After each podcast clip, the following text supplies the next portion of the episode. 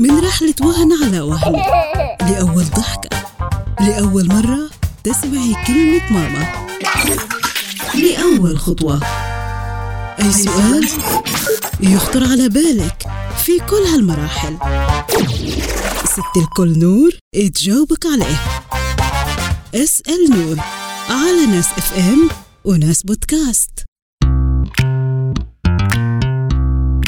المراهقين وجلد الذات. هل جلد الذات مرض نفسي؟ لماذا المراهق يلوم من نفسه دوما؟ وما هي أعراض جلد الذات في علم النفس؟ والفرق بين جلد الذات ومحاسبة النفس والتخلص من جلد الذات وتأنيب الضمير. كل ذلك تجيبنا عليها نور في اسأل نور. نور ما هو مفهوم جلد الذات؟ جلد الذات عموما آه، هو فكرة إنه لما الإنسان يخسر آه، بموقف أو يصير معاه ظرف ويشوف حاله ما قدر يتخطاه آه، فهون بصير عنده نوع من اللوم. بس فترة المراهقة المراهقين أغلب الوقت بيلوموا نفسهم مع إنهم هم لسه ما اكتسبوا الخبرة والمهارات فبيروحوا بيلوموا نفسهم إنه ليش ما عرفوش يتصرفوا صح؟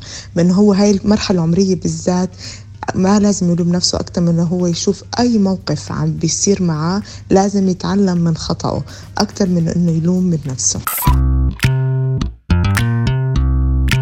السؤال الثاني لماذا يلجأ المراهقين لجلد الذات؟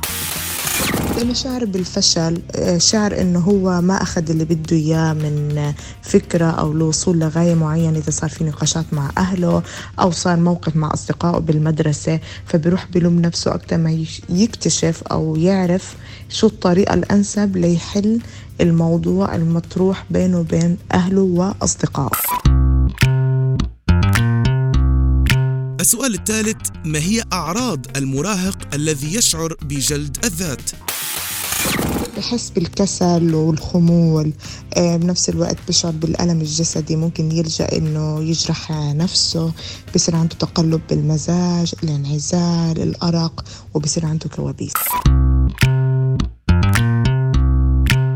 السؤال الرابع كيف يمكن أن نتخلص من جلد الذات؟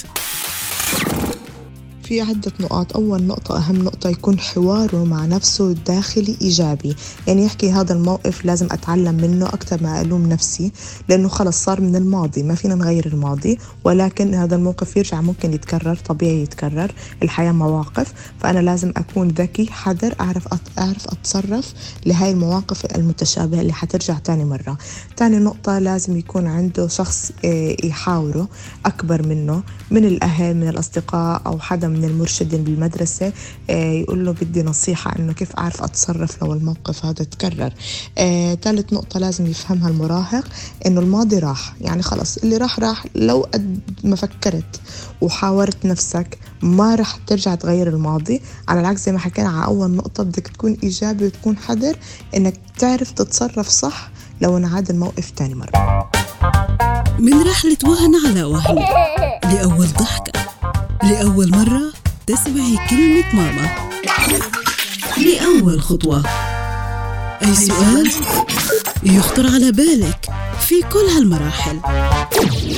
ست الكل نور تجاوبك عليه.